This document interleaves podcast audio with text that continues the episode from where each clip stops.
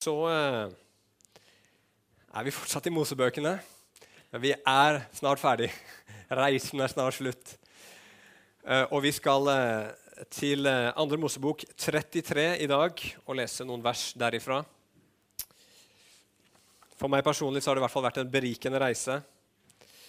Og jeg har sett hvor viktig andre Mosebok er i å forstå hele Bibelen. For så mye av grunnlaget og, og, og, og liksom hele forståelsen av hvem Gud er, og hva han gjør, eh, og, og, hvem israelsfolket er også, det legges nettopp i andre Mosebok. Så det er en viktig bok å studere. Vi slår opp altså i andre Mosebok 33, vers 1-18 skal vi lese. og Hvis ikke så kommer teksten også opp på skjermen her. Da leser vi Jesu navn. Så sa Herren til Moses.: Bryt opp herfra og dra videre, du og det folket jeg du, du, har ført opp fra landet Egypt til det landet jeg tilsverget Abraham, Isak og Jakob, og sa:" Din slekt skal jeg gi det. Jeg skal sende en engel foran deg, og jeg skal drive ut kanoneerne, amorittene, hetittene, ferisittene, hevittene og jebusittene. Dra opp til et land som flyter med melk og honning.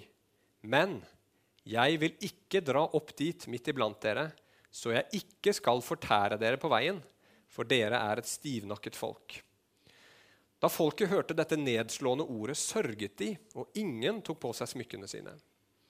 For Herren hadde sagt til Moses.: Si til Israels barn, dere er et stivnakket folk. Gikk jeg blant deg i et øyeblikk, vil jeg fortære deg. Derfor skal du nå ta av smykkene dine, så jeg kan vite hva jeg skal gjøre med deg. Så tok Israels barn av seg smykkene der ved fjellet Horeb. Moses tok teltet og slo det opp utenfor leiren, langt borte fra leiren, og kalte det åpenbaringsteltet. Da skjedde det. Alle som søkte Herren, gikk ut til åpenbaringsteltet som var utenfor leiren. Det skjedde slik at hver gang Moses gikk ut til teltet, reiste hele folket seg opp, og hver mann sto i teltdøren sin og holdt øye med Moses til han hadde gått inn i teltet.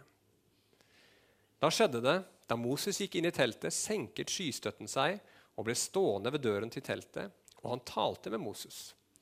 Hele folket så skystøtten stå ved døren til teltet, og hele folket reiste seg opp og tilba, hver mann i teltdøren sin. Herren talte med Moses ansikt til ansikt, som en mann snakker med sin venn. Så vendte han tilbake til leiren, men medhjelperen hans, Josva, Nuns sønn, som var en ung mann, forlot ikke teltet. Da sa Moses til Herren, Se, du sier til meg, før dette folket opp, men du har ikke latt meg få vite hvem du vil sende med meg. Likevel har du sagt, 'Jeg kjenner deg ved navn, og du har funnet nåde for mine øyne.' Derfor ber jeg nå, om jeg har funnet nåde for dine øyne, at du lærer meg din vei, så jeg kan kjenne deg, og for at jeg kan finne nåde for dine øyne. Tenk på at dette folket er ditt folk. Han sa, 'Mitt åsyn skal gå med deg, og jeg skal føre deg til hvile.' Da sa han til ham, 'Hvis ditt åsyn ikke går med oss, må du ikke føre oss opp herfra.' Hvordan skal det bli kjent at jeg har funnet nåde for dine øyne, jeg og ditt folk, hvis du ikke går med oss? Slik skal vi bli atskilt, jeg og ditt folk, fra alle andre folk som finnes på jorden. Så sa Herren til Moses, jeg skal også gjøre dette som du har bedt om, for du har funnet nåde for mine øyne, og jeg kjenner deg ved navn. Og han sa, jeg ber deg, vis meg din herlighet. Skal vi be litt. Kjære himmelske Far, vi trenger din herlighet. Vi trenger ditt nærvær. Vi trenger deg, Gud. Og Herre, jeg ber om at det skal bli så tydelig og så klart ut ifra ditt ord i dag. At vi skal forstå hvor viktig det er, at vi virkelig trenger deg, Herre. At det skal båre dypt i hjertene våre, Herre. At det skal rense opp på innsiden av oss, Herre. Og bringe oss ut i den friheten og det livet og den kraften som du har tenkt. Herre, hjelp meg, Herre, til å formidle dette godt nå, Herre. Og hjelp oss til å ha hjerter i dag som er god jord, slik at du kan så ditt levende ord ned i oss i Jesu navn. Amen. For de av dere som har god hukommelse, så husker dere at vi eh, i sist uke snakka om hvordan israelsfolket veldig kort tid etter at de hadde lovt Gud at de skulle leve med Han, leve etter Hans bud, plutselig bestemmer seg for å vende seg bort, han, bort fra han og begynne å tilbe en gullkalv i stedet. Og det som skjedde da var at Moses han måtte gå inn og gå i forbønn for folket, for, for Gud i sin hellighet han, eh, han ville utslette dem. Og så er Gud nådig, og han utsletter det ikke. Og så kommer vi nå til kapittel 3, hvor Gud sier OK, dette er konsekvensen. Dere får lov til å reise opp til det lovede landet, det landet som skal flyte med melk og honning. Men så var det et stort minus. Han sa, 'Jeg kommer ikke til å gå med dere'. Og Det skal vi kikke nærmere på i dag, hva denne historien her kan fortelle oss. Og eh, Som dere hørte Moses sa helt til slutt, han sa 'Vis meg din herlighet'. Tittelen i dag den er 'Vis oss din herlighet'. Og Vi skal se på tre ting fra denne teksten. her. Punkt nummer én er at uten Guds nærvær så fins det intet liv. Punkt nummer to er at uten Guds nærvær så fins det ingen kraft. Og det siste punktet vi skal se på, er at det fins en vei og et kall til Guds nærvær. Punkt nummer én uten Guds nærvær intet liv. Det var på tide å dra inn i landet. De hadde lengta etter å komme inn i dette landet med, med, med, melk og honning. Og Gud sier til dem først nå er det på tide å dra, og jeg skal sende en engel med dere som skal drive ut alle disse fiendene deres, alle de som vil dere vondt, slik at dere kan komme inn i landet. Noen oversettelser ser jeg har 'min engel', men det tror jeg ikke er riktig. ut fra hva jeg har studert. Det må være én engel. Min engel er ofte eh, eh, noe som representerer Gud selv, og, og, han skal jo nettopp ikke bli med. Så det skal stå én engel der. Og så skal de få et land som flyter med melk og honning. Og det er sikkert mange her som verken liker melk eller honning. Men på den tiden så var på en måte det et uttrykk for det beste man kunne få. Det var liksom julematen. Eh, og sagt på en annen måte så kunne man si at Gud han lovte de et land hvor det fløt over med alt godt de kunne tenke seg. Men, sier Gud, jeg vil gi dere alt dette, men jeg kommer ikke til å gå med. Og grunnen er enkel. Israelsfolket de var så syndige. De kom igjen til å være ulydige. De kom igjen til å vekke Guds hellige vrede, og dermed så måtte denne hellige Gud utslette dem. Med andre ord sa Gud at det blir ikke noe tabernakel, sånn som vi har hørt om tidligere. Det blir ikke noe sted hvor jeg skal bo midt iblant dere. Det blir ikke noe prestetjeneste. Det blir ikke noe av alt dette. Men dere skal få lov til å gå inn i landet og få alle de materielle godene. Nå har vi lest gjennom eh, andre Mosebok, og vi har jo sett at israelsfolket stort sett er et negativt eksempel. Ikke et eksempel til etterfølgelse. Men her har vi et unntak.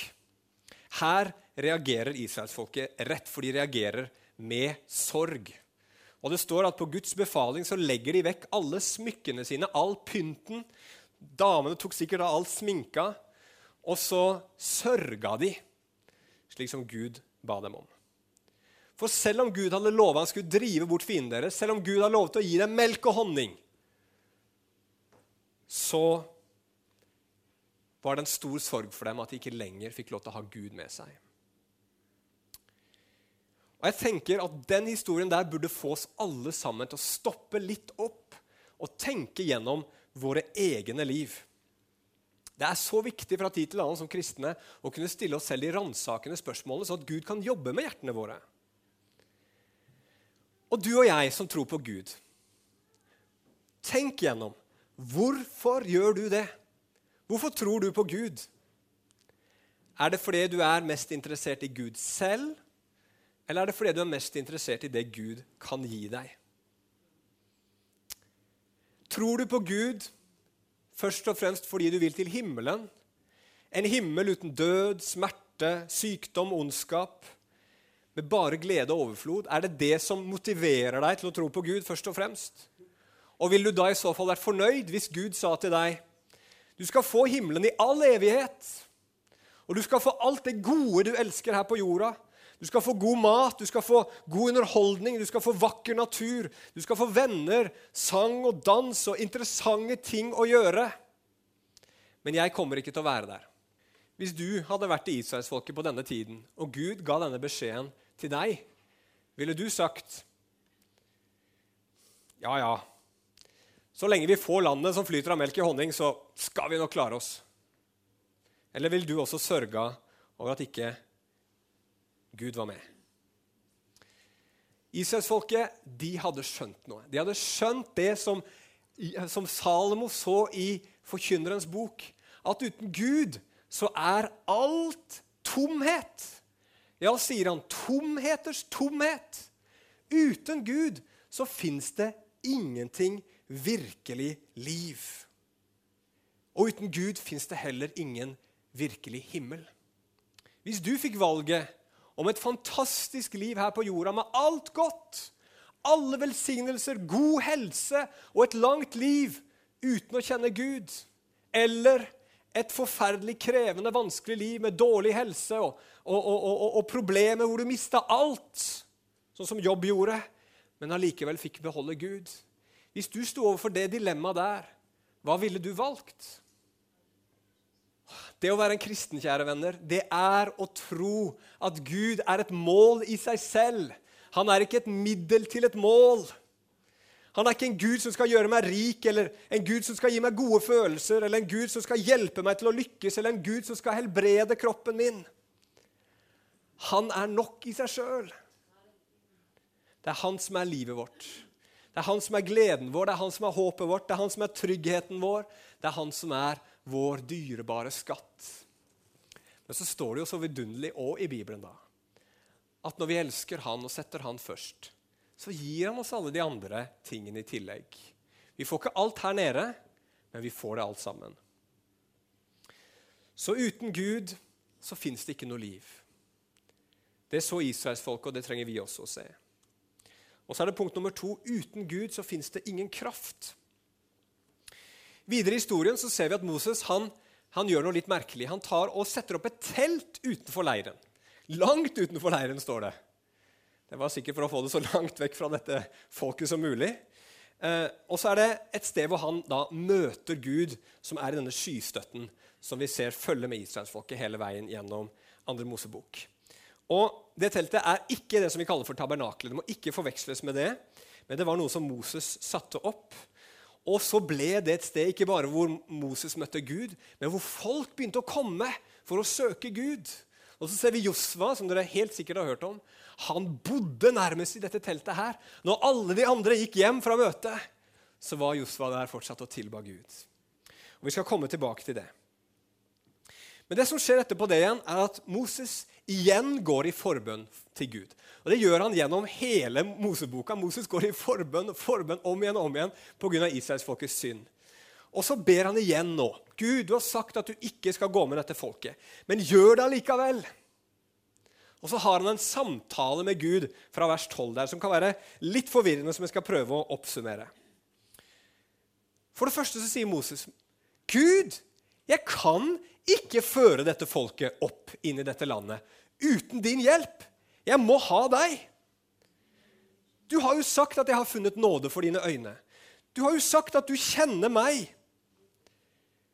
Men jeg er i desperat behov av å kjenne din vei. Jeg er i desperat behov av å kjenne deg. Og jeg trenger deg hvis jeg skal klare dette.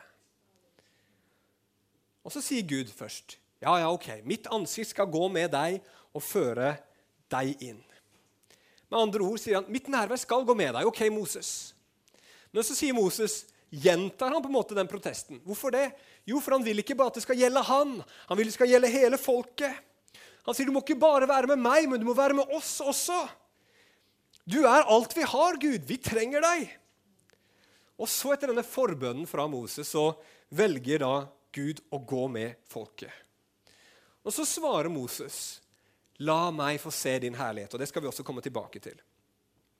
Men la oss først se på det her. Hva er det Moses sier her til Gud? Jo, han sier at han kan ikke gjøre den tjenesten han er satt til, uten at Gud er med. Han hadde skjønt det som Salme 127 snakker om når den sier at om ikke eh, Gud bygger huset, så bygger bygningsmennene forgjeves. Han forsto det som Jesus sa i Johannes kapittel 15 at uten meg så kan dere ingenting gjøre. Kjenner vi på det samme behovet? Tenker vi Gud, Dette livet her, det har du kalt meg til å leve til din ære.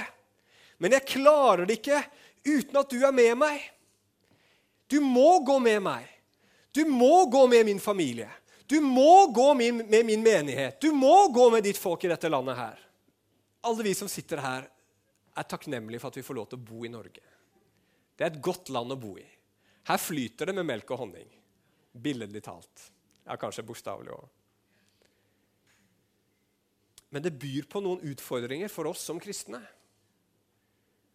Fordi at Når det er så mye rikdom, når alt er så enkelt på så mange måter sammenlignet med andre menneskers hverdagsliv, så er det så lett å leve som om vi ikke trenger Gud. Det er så lett å ikke kjenne noe behov for Han. Og det syns også veldig tydelig i bønnelivene våre. Men kjære venner, vi trenger Han. Vi trenger Han like mye i Norge som man trenger Han i Afrika, i, i, i, i dette som vi hørte om nettopp. Og Derfor så trenger vi en bevissthet. Vi trenger å bli vekka opp. Vi trenger å bli minna på at vi trenger Han. Og hvordan får vi det? Jeg har to ting jeg har lyst til å nevne der. For det første så trenger vi å få høre Guds ord. Hvorfor kommer vi sammen her til gudstjeneste? Det fins mange årsaker til det, men det er en viktig årsak at du og jeg trenger å bli minna på sannheter som du ikke får høre der ute i verden, som du ikke får høre blant vennene dine som ikke tror, som du ikke får høre når du er, eh, sitter foran TV-en din eller er på mobiltelefonen. Du trenger å høre at du trenger Gud. Og Som forkynner så er en av mine oppgaver det er å vise oss hvor svake og syndige vi er. Og samtidig peke på hvor sterk god vår frelsende Gud er. Sånn at vi hele veien i våre liv må bli minnet på at vi må venne oss til Han. Vi må venne oss til Han. Du trenger Han. Du trenger Han for å leve et hellig liv. Du trenger Han for å leve som en kristen i denne verden. her sånn. Du trenger ham i, i ekteskapet ditt. Du trenger ham når du lever eh, singel. Du trenger ham når du skal være en kristen på arbeidsplassen. Du trenger ham for å kort sagt fullføre det løpet som Gud har lagt framfor deg. For du har et løp. Alle, alle kristne har et løp de må fullføre. Og for å fullføre det løpet så klarer du deg ikke uten Gud. Og det forteller Guds ord oss, det minner Guds ord oss på. Og for det andre så er det en fin påminner også, som jeg har erfart personlig, å gå inn i tjeneste for Gud. Det blir som med Moses. Når han gikk inn i tjeneste for Gud, så begynte han å kjenne at en byrde ble lagt på skuldrene hans. Han måtte ta ansvar for ting. Og når du melder deg til tjeneste, så må du også ta ansvar for ting. Og du merker det. Du merker det. Og så vegrer vi oss for det, og så sier veldig mange mennesker i dag 'Jeg vil ikke ha noe ansvar'. Men når vi ikke vil ha noe ansvar, vet du hva, da går vi glipp av den velsignelsen det er å kjenne seg utilstrekkelig, å bli usikker, å ha tunge dager, å møte motstand, ja, til og med bekymre seg. Fordi at alle disse tingene blir en velsignelse hvis de får deg til å vende deg til Gud og søke Hans hjelp og si, 'Gud, dette klarer jeg ikke uten deg.' Du må dukke opp. Du må gi meg styrke. Og da vil du erfare, sier Bibelen, at Gud gir kraft. For det er nettopp i svakhet at Guds kraft fullendes, sier Paulus i 2. Korinterbrev 12,9.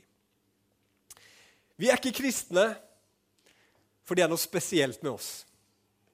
Vi er ikke kristne fordi vi er spesielt dyktige eller begavede eller snille eller disiplinerte eller glade eller utadvendte eller et eller annet sånt.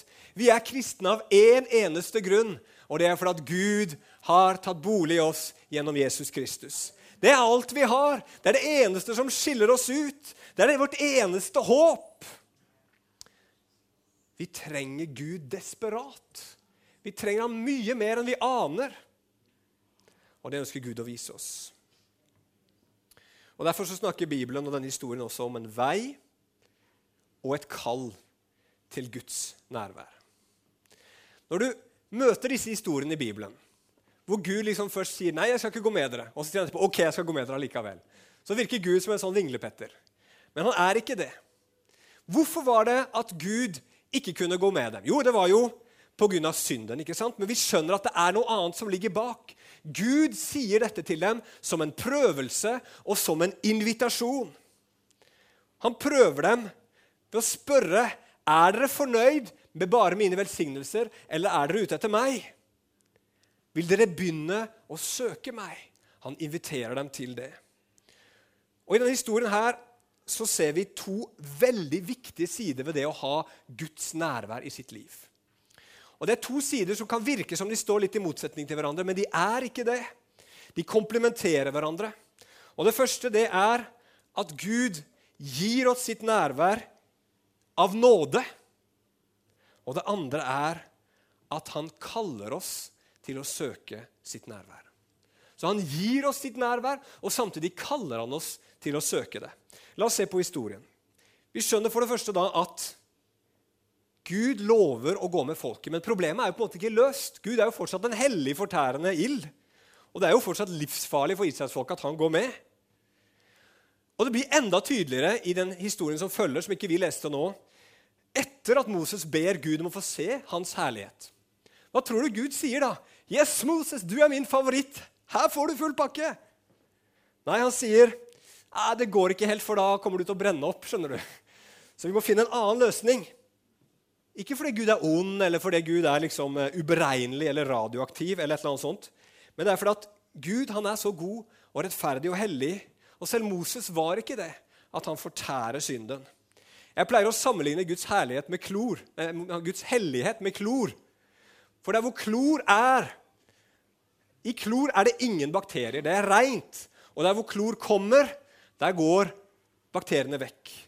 Og Sånn er Gud òg. Der hvor Gud er, er det ingen synd. Og der hvor Gud kommer, der utslettes alt som har med synd og ondskap å gjøre. Og Bibelen er tydelig og klar på det. kommer igjen og igjen i Bibelen. Og faktisk, når, når Moses endelig får oppleve dette med Guds nærvær, så, så, så, så, legger Gud trykk på det enda en gang. Han sier i 2. Mosebok 34, vers 6, eller i vers 7 da. Han holder sannelig ikke den skyldige uskyldig, men la fedrenes misgjerninger komme over barn og barnebarn i tredje og fjerde slektsledd. Gud er en Gud som ikke tolererer synd.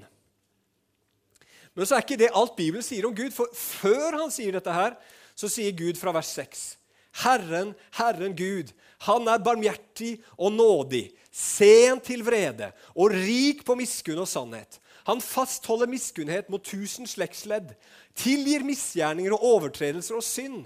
Han holder, ikke, han holder sannelig ikke og så kommer det, han holder sannelig ikke den skyldige uskyldige og alt dette her. Men når vi ser disse ordene her Dette er en beskrivelse av Guds godhet og barmhjertighet. Og Det er mange ting her som, som, som, kunne blitt sagt om det. Man kunne hatt en egen preken om det. Men man kan summere det opp i å si at Guds nåde, Guds barmhjertighet og Guds tilgivelse er, som Salme 103 sier det, høyere enn himmelen er over jorden. Gud er så enorm i sin barmhjertighet, nåde og kjærlighet. Derfor så skjer det to ting i denne historien her som peker fram mot noe mye større. I denne historien her så ser vi for det første at Moses han går i forbønn for folket. Og så lover Gud å være med. Og når Moses selv ber om å få se Guds herlighet, så sier Gud, OK, still deg her på denne klippen. Gjem deg i denne revnen av denne klippen. Nå skal jeg holde min hånd over deg når jeg går forbi. Og så skal jeg ta den bort, og så kan du se meg bakfra. Han skulle få et glimt av Guds herlighet, men ikke i full kraft. Og alt dette her, det peker fram mot Jesus. Jesus han er den rene og rettferdige klippen som du og jeg kan få skjule oss i, og gjennom han få møte en hellig Gud. Jesus han er den som går i forbønn for syndere, akkurat slik som Moses gikk for, i forbønn for folket om igjen og om igjen, så står det i Bibelen at Jesus går i forbønn for oss. Og den forbønnen er ikke bare at Jesus sitter og ber, for det kunne han gjort før han ikke kom til jorda. ikke sant? Men han kom til jorda, og så gikk han opp igjen, og så sitter han der som øverste prest med sitt eget blod, som han betalte for våre synder med. Og gjennom det offeret som han ga en gang for alle, så går han i forbønn for oss. Når du og jeg synder, så sier, så sier Jesus ja, men Se her! Jeg har dødd for den synden. Det er oppgjort. Det er ferdig. Så går Gud i forbønn for oss. Og Da viser Gud at han både er hellig og samtidig full av barmhjertighet. Han dømmer synden. Han lar ikke synden slippe unna, men han dømmer den i Jesus istedenfor oss. Og gjennom å gjøre det så viser han oss sin barmhjertighet, kjærlighet og nåde. Og Derfor sier Paulus noen utrolige ord. I lys av det vi har lest nå, vær med meg til 2. Korinterbrev, kapittel 4, og vers 6 og 7. Der står det 2. Korinterbrev 4, 6 og 7. For Gud, som bød lyset å skinne ut fra mørket, han har latt det skinne i våre hjerter, for at lyset fra kunnskapen om Guds herlighet i Kristi Jesu ansikt skal skinne fram. Men vi har denne skatten i leirkar for at den veldige kraften skal være av Gud og ikke av oss.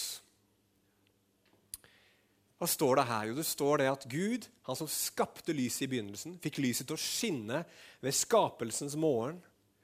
Han har et, latt et annet lys skinne i våre hjerter. Og hva er det lyset? Jo, det er Guds herlighet. Og hvordan får vi det? Jo, det stråler fram, står det, fra Jesus sitt ansikt. Du får Guds livgivende nærvær. Du får Guds kraft inn i livet ditt gjennom Jesus. Gjennom evangeliet. Gjennom evangeliet så får du og jeg Guds herlighet i våre liv.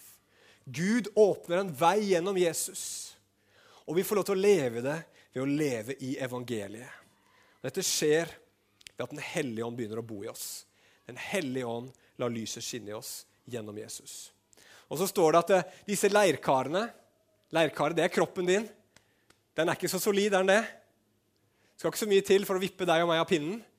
En eh, solid flis i foten eller en liten stikk på en rett plass, så, så kan vi bli helt satt ut. Men det er ikke der kraften fins i vår tjeneste for Gud. Den finnes i den skatten som er blitt lagt ned i oss. Og det står om den skatten som bor i oss, at Gud gjennom den kan gjøre langt utover det vi ber eller forstår. Så Guds nærvær det er en gave som vi får gjennom Jesus. Du og jeg, gjennom å tro på Jesus, tro på evangeliet, så får vi Guds nærvær i livene våre. Er ikke det litt bra? Hvis, det er litt bra. Hvis du syns det er litt bra, så bare gi meg et lite smil. Det er tross alt en pinsemenighet, og det er jo kjent for at det smiles fra tid til annen i forsamlingen. Ok, og så var det punkt nummer to. Gud bare eller, eh, eh, Gud gir oss ikke bare sitt nærvær i nåde, men han kaller oss til å søke det. Og Vi ser det i dagens tekst også. Vi ser disse menneskene som begynner å søke Gud. Vi ser Josva, som bodde i teltet, og som Gud senere brukte på mektig vis til å bringe Israel inn i det lovede landet og var et redskap i Guds hånd. Og Det har sikkert veldig, veldig mye å gjøre med nettopp at Josva levde her, i Guds nærhet. Og så ser vi Moses. Tenk på han, da. Han hadde sett så mye. Det begynte med en brennende busk. Det fortsatte med at han så all slags mulig tegn og under og mirakler da han brakte folket ut fra Egypt. Så fikk han se Gud på toppen av Sinai-fjellet i voldsom herlighet og kraft. Og så står det til og med at Gud talte til Moses i det vi leste nå, ansikt til ansikt. Antageligvis så, så han han ikke direkte, men Gud var inni denne skyen som var mellom han og Moses. Men han hadde sett så mye. Han hadde erfart så mye med Gud. Og ingen her inne som er i nærheten av det engang. Og allikevel så sier Moses, Gud, vis meg din herlighet. Og Guds herlighet det kan vi si, det er stråleglansen fra Guds ansikt, eller det glitrende lyset som åpenbarer Guds persons skjønnhet. Det er Guds, Guds vakre vesen som stråler imot oss. Det er Guds herlighet. Han ville kjenne Gud enda mer. Det var det han var ute etter. Og Det var det Paulus var ute etter i Filippebrevet 3 også, når han sier at, at han lever for han jager etter det å kjenne han, kjenne Jesus og kraften av hans oppstandelse og samfunnet med hans lidelser. Ikke at han har nådd det ennå, han heller. Akkurat som Moses hadde ikke nådd det. Akkurat som vi som sitter her inne, vi har ikke nådd det. Men vi jager etter det. For det er det som er seiersprisen. Det er det som det er verdt å leve livet sitt for. Det er mange ting vi kan etterjage i dette livet, og som blir borte en dag. Men det å kjenne Gud, Det å vokse i nåde og kjennskap til Han. Det er sånn en rikdom i det som gir kraft her nede. Som gir glede, liv, livsmot her nede. Og som forbereder oss på evigheten. Og jeg tenker også, Nå snakka Bernt innledningsvis her om nådegaver. Altså, Søk de beste nådegavene, står det. Hvordan gjør vi det egentlig? Jeg tenker på mange måter at det er å søke Gud. Komme nærmere Han, bli mer fylt av Han. Da dukker det nådegaver opp i livet ditt. Da skjer det noe med deg. Gud er en Gud vi kan erfare. Gud er ikke en Gud du erfarer hele tiden. Langt derifra. Men han er en Gud du kan erfare. Han er en Gud som gir seg til kjenne. Han er en Gud vi opplever. Det står i Bibelen 'smak og se at Herren er god'. Og hvordan gjør vi det? La meg gi noen siste tanker om det her. Jeg, jeg har ikke noen sånn umiddelbar mirakelkur for dere. Jeg har ingen sprøyte eller pille. Eller. Men jeg har en liten bei, en, en, en, vei som jeg har lyst til å, å peile ut for dere, som vi kan avslutte med. Vi kan for det første gjøre som Moses gjorde, og be for det. Be Gud La meg lære deg å kjenne. Gud, vis meg din herlighet. Legg merke til Paulus sine bønner i Bibelen når han ber for menighetene. Hva er det han ber om? Jeg ber om at du skal helbrede alle i menigheten. Nei. Jeg ber om at bli, alle de arbeidsløse i menigheten skal få jobb. Jeg ber om at de skal få overflod og, og liksom masse rikdom. Nei. Jeg har faktisk ikke noe eksempel som jeg kommer på, i hvert fall, hvor Gud ber om at eller hvor Paulus ber om at Gud skal ta bort noen vanskeligheter. Istedenfor ber han sånn som i Feserbrevet 3 og vers 16 f.eks. Han sier og jeg ber om at han, altså Gud, vil gi dere å bli styrket med kraft ved sin ånd i det indre mennesket. Etter hans herlighet, der har vi den igjen, store rikdom. Det vil si at Kristus får bo i hjertene deres ved troen. Men bor ikke Jesus allerede i hjertene våre? Nei, men Da ser vi nettopp den dobbeltheten. Vi har fått eh, Guds herlighet, og samtidig så skal vi søke den. Det fins mer av den. I det dere er rotfestet og grunnfestet i kjærlighet. For at dere kan være i stand til å fatte sammen med alle de hellige hvor stor bredden, lengden, eh, dybden og høyden er. Og kjenne Kristi kjærlighet som overgår all kunnskap. Kristi kjærlighet kan ikke måles i tall. Den kan ikke beskrives i ord. Det er noe mer enn det. Du kan si noe om det med ord og setninger, men det er noe mer i det. Og når du og jeg kjenner Guds kjærlighet, hva skjer da? Jo, da blir vi fylt til hele Guds fylde. Det er det som er målet med Gud. Han vil fylle oss med all sin fylde. Alt! Mer og mer og mer. Og det ber altså Paulus om. Det bør vi be for når det gjelder hverandre. Og du kan også be denne bønnen for deg selv. Det har jeg gjort mye i mitt liv, og det har jeg hatt mye velsignelse av. Så ser vi også noe mer i Bibelen. Dette er da liksom underpunkt nummer to da, på de to praktiske tingene jeg tenker vi kan gjøre. Det, da Moses fikk se Guds herlighet, eller i hvert fall til en viss grad, da, så står det at han kom ned fra fjellet og så hadde han strålende ansikt. Ikke at han liksom smilte fryktelig, og, men det, det, strålte virkelig fra ansiktet hans. Så folk ble livredde. De sto på lang avstand, turte ikke komme nær. Lurte på hva dette her var. Så fortelles det videre i historien at at Paulus han, uh, Unnskyld, nå blir det mye Paulus her, ja. Moses han la et dekke over dette ansiktet sitt for å skjule det. Og Så kommer vi til Nytestamentet, og så sier Paulus at når jødene da leser Det gamle testamentet, så legger, ligger liksom dette samme dekket over den, sånn at når de leser Bibelen, så ser de ikke Guds herlighet. Og Det står i 2. Korinterbrev 4, vers 16-18. Vi leser det også. Der står det, Men helt i denne dag ligger et dekke over deres hjerte når Moses blir opplest. Men når det omvender seg til Herren, blir dekket tatt bort. Men Herren er ånden, og der Herrens ånd er, der er det frihet. Men alle vi som med utildekket ansikt ser Herrens herlighet, som i et speil, blir forvandlet til det samme bildet fra herlighet til herlighet som av Herrens ånd. Så Guds herlighet var skjult for jødene, og for, det gjelder også for hedningene når de hører Guds ord. Helt til noe spesielt skjer. Helt til man omvender seg. Når du omvender deg til Gud, når du sier nei til synd og ja til Jesus, sier nei til å være sjef sjøl og sier ja til Jesus som sjef, da blir dekket tatt bort fordi Den hellige ånd kommer inn. Da blir det å lese Bibelen et sted hvor vi kan søke Gud og finne Han og finne Gud i herlighet. Og så står det noe rart her at det er som i et speil. Og De speilene de hadde på den tiden, de, ikke, de var ikke sånn som de speilene vi har nå. De var mye dårligere. Så når du så deg sjøl i speilet, så var det liksom en sånn liksom mørk skygge av deg sjøl. Og når Bibelen bruker det uttrykket, så er det for å si at vi ser det ikke helt tydelig, og det er ikke fullkomment ennå. Så du og jeg, når vi leser Bibelen, så får vi ikke liksom en 10 megatons atombombe med Guds herlighet. Men vi får se noe. Vi får glimt. Og så gjør det noe med oss. Det er ikke sånn at hver gang jeg leser Bibelen, så føler jeg Guds herlighet. Men jeg prøver å lese Bibelen, og jeg tror jeg gjør det nokså konsekvent hver eneste dag. Og så har jeg øyeblikk, tidspunkter, kanskje perioder, hvor jeg opplever at Gud møter meg med sin herlighet i sitt ord. Og så gjør det noe med meg. Jeg har ganske mye igjen å, å forandre på i livet mitt. Men det Gud har forandra på, og han har gjort noen ting, det har han gjort fordi jeg har fått møte med han og være i hans herlighet. Spesielt gjennom vanskeligheter. Da har ofte Guds herlighet og Guds hjelp og Guds kraft blitt sterkere. Så her er det en hjerteside og en praktisk side som vi må ta tak i. For det første så må du holde hjertet ditt varmt. Vi trenger stadig å påminnes om dette.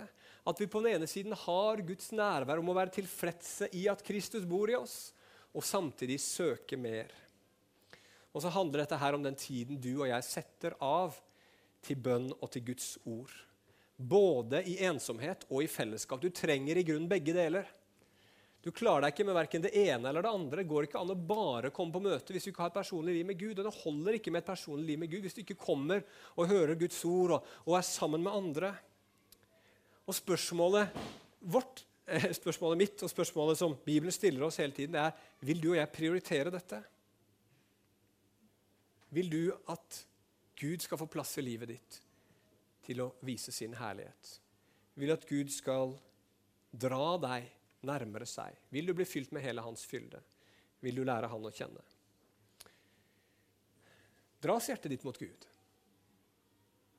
Ønsker du dette? Lengter du etter dette? Jeg håper det. Og hvis du ikke gjør det, så vil jeg spørre deg har du forstått evangeliet. Har du virkelig forstått hva Gud har gjort for deg? Har du virkelig forstått hvem han er? Har du sett hvor elskende og elskverdig han er? Han er vidunderlig. Og alt det som vi kan synes er kjekt og bra og godt her, det er ingenting sammenligna med det å kjenne Han. Så Herre, vi ber om at evangeliet skal bli mer en teori for oss som sitter her. Vi ber om at det du har gjort for oss, Jesus Kristus, skal få stråle fram. Skal få lyse, skal få skinne inn i våre hjerter, Herre. Ikke bare sånn at vi skal bli trygge i vår frelse, Herre, og, og, og, og, grunnfesta i det du har gjort for oss, men også, Herre Far, for at vi skal søke deg mer. For at det skal vekkes en lyst og en lengsel i våre hjerter etter å kjenne deg. Kraften av din oppstandelse, samfunnet med dine lidelser at det skal vekkes en bønn i våre hjerter hvor vi sier til deg, Gud, og ber deg stadig vekk, Herre, vis meg din herlighet. Gud i himmelen, jeg ber deg for oss alle, i den tid og stund hvor vi lever, hvor det er så mye i hermetegn herlighet rundt omkring oss. Herre, hjelp oss å se at det bare er falske kopier. Men du er det ekte. Du er det virkelige. Du er det, den som, eneste som ikke, virker, som ikke skuffer, Herre. Du er den som gir det hjertet lengter etter. Her må vi være et sånt folk som søker nær deg, og som fordi vi blir i deg, får lov til å bære mye frukt gjennom våre liv. I Jesu navn. Amen.